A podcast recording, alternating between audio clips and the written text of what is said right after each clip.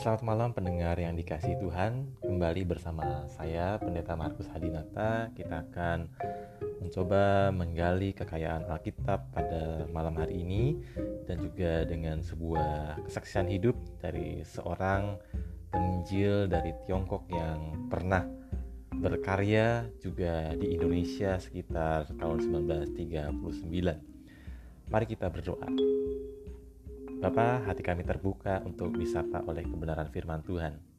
Dan kiranya pada saat ini dalam masih dalam suasana prapaskah kami sungguh-sungguh dibentuk oleh Tuhan, diubah oleh Tuhan.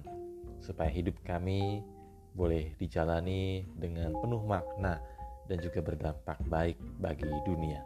Dalam Kristus kami berdoa. Amin. Mari kita buka Alkitab kita dari surat Paulus kepada jemaat di Roma pasal 12 ayat 1. Roma 12 ayat 1 mengatakan supaya kamu mempersembahkan tubuhmu sebagai persembahan yang hidup, yang kudus dan yang berkenan kepada Allah. Itu adalah ibadahmu yang sejati. Mendengar yang dikasih Tuhan, sebagaimana saya katakan di awal, saya akan menceritakan sekilas tentang sosok seorang yang pernah berkarya di Indonesia, seorang dari Tiongkok. Orang ini adalah seorang pendeta. Penampilannya unik, tubuhnya kurus kecil, rambutnya pendek dan selalu dibiarkan terurai di dahi. Wajahnya pucat dan dia lebih suka menunduk. Dia sering kali berpakaian kemeja putih sederhana ala model Tiongkok kuno. Pendeta Tiongkok ini tidak suka tersenyum sana sini atau berbahasa basi. Sifatnya ketus, dia suka men menyendiri. Dia punya sifat pemalu, tetapi ketika dia sedang berkhotbah, tiba-tiba dia bisa menjelma sebagai nabi yang berapi-api. Dan banyak orang setiap kali dia berkhotbah datang berduyun-duyun. Bahkan gedung gereja sampai dibuatnya melimpah ruah. Siapakah dia? Itulah yang dikenal dengan Dr. John Sung dari Tiongkok di mana dia juga pernah membuat ratusan ribu orang Indonesia pada tahun 1935 sampai tahun 1939 menerima Injil Kristus.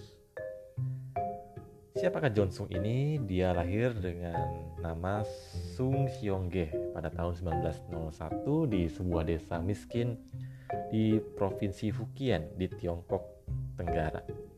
Ayahnya adalah seorang pendeta gereja metodis, sementara ibunya bekerja sebagai buruh tani. Mereka sekeluarga bertubuh lemah dan, dan sering sakit. John Sung yang kecil ini sudah menunjukkan watak yang unik dia gesit dalam segala hal, namun dia, juga punya sifat yang keras kepala, tidak bisa sabar, mudah marah, dan ada sifatnya yang kurang baik yaitu dia sering memberontak kepada ayahnya. Dia sering juga pada waktu kecil menjatuhkan diri ke sumur. Pernah juga pada suatu saat menabrakkan kepalanya ke buyung besar sehingga buyung itu sampai hancur dan setiap kali dia dihukum oleh ayahnya, dicemeti oleh ayahnya, dia tidak pernah menangis. Sung malah heran bahwa justru ayahnya yang menangis setelah itu.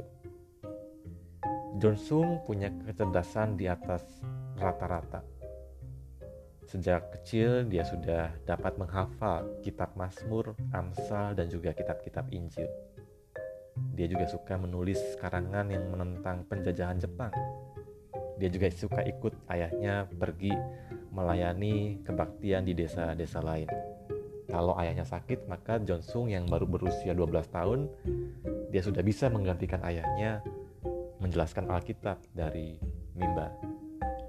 Usia 18 tahun, John Sung belayar ke Amerika Serikat karena mendapatkan beasiswa pelajar di seluruh provinsi.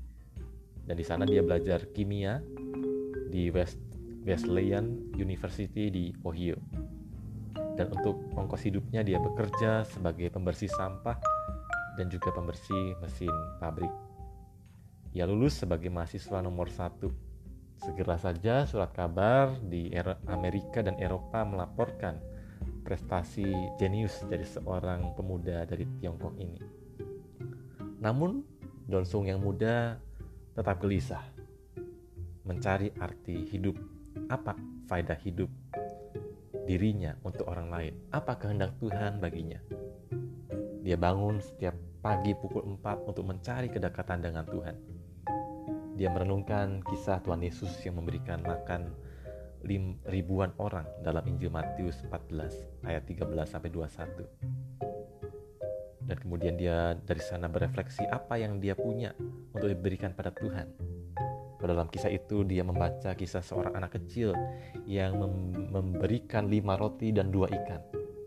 Johnson bertanya apa yang saya punya untuk bisa saya berikan pada Tuhan.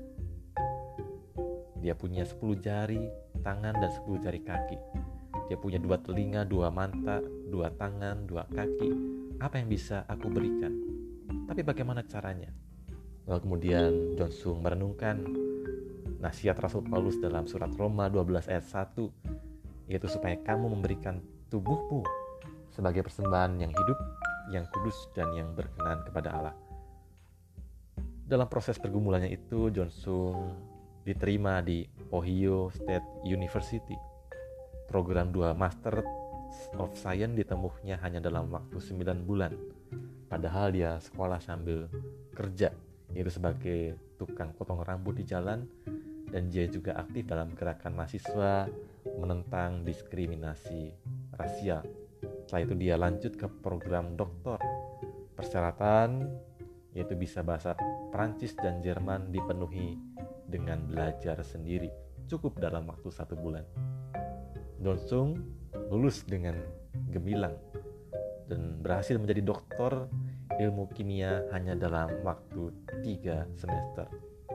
Semua surat kabar Amerika dan Eropa mencatat rekor jenius dari seorang Johnson ini. Banyak perusahaan raksasa menawarkan lowongan pekerjaan kepada Johnson Bahkan pemerintahan Jerman membujuk dia untuk dapat mengembangkan riset teknologi roket. Namun Johnson menolak semua tawaran itu. Dia memilih masuk ke sekolah teologi. Program tiga tahun di Union Theological Seminary di New York. Dia tempuh hanya dalam waktu satu tahun.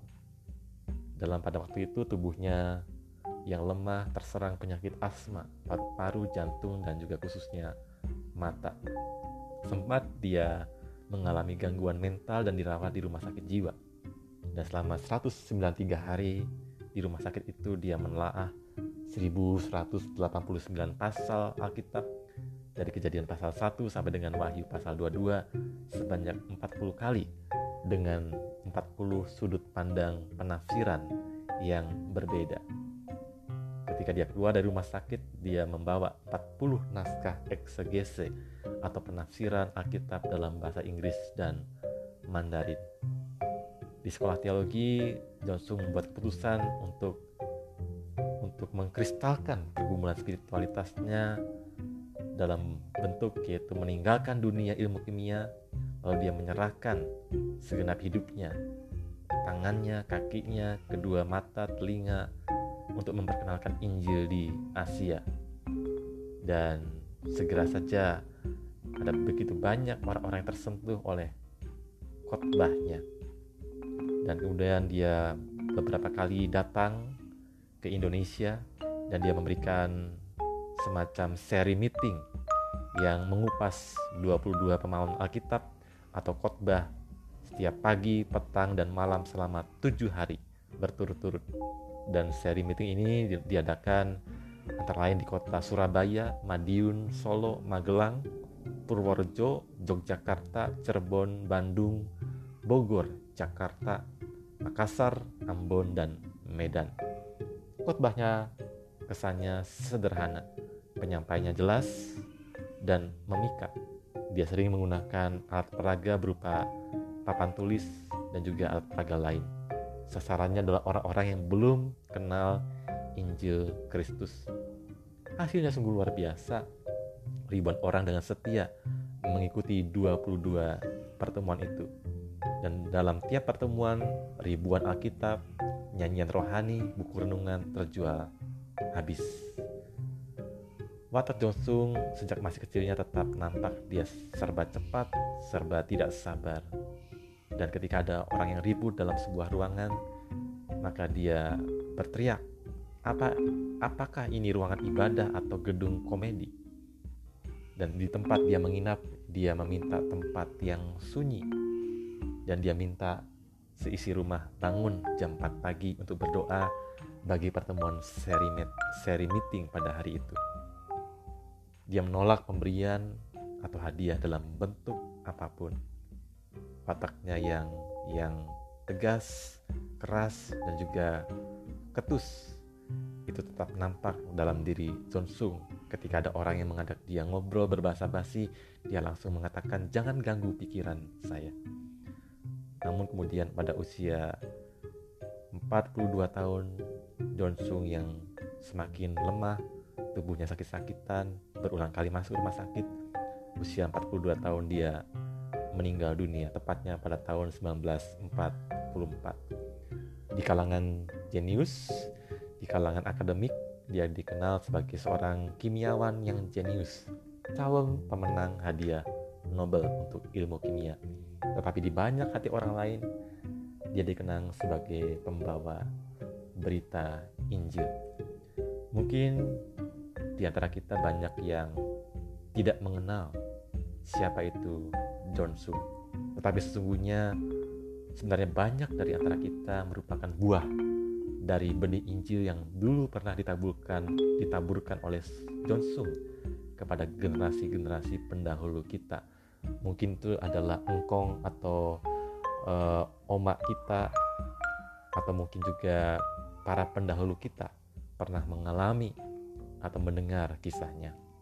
Dan sesungguhnya setiap kita dipanggil dengan satu dan lain cara untuk dapat mempersembahkan hidup kita bagi pekerjaan pelayanan Tuhan di tengah-tengah dunia ini. Amin. Kita berdoa. Bapak Surgawi kami bersyukur.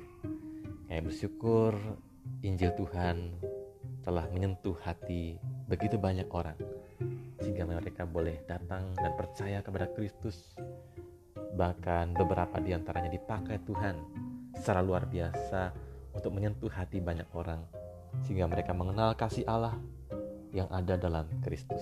Jadikan hidup kami pun sebagai tanda rahmat cinta kasih Tuhan. Sebagai akibat kami sudah disentuh oleh kasih dan Injil Tuhan di dalam hati kami. Dalam Kristus kami berdoa. Amin.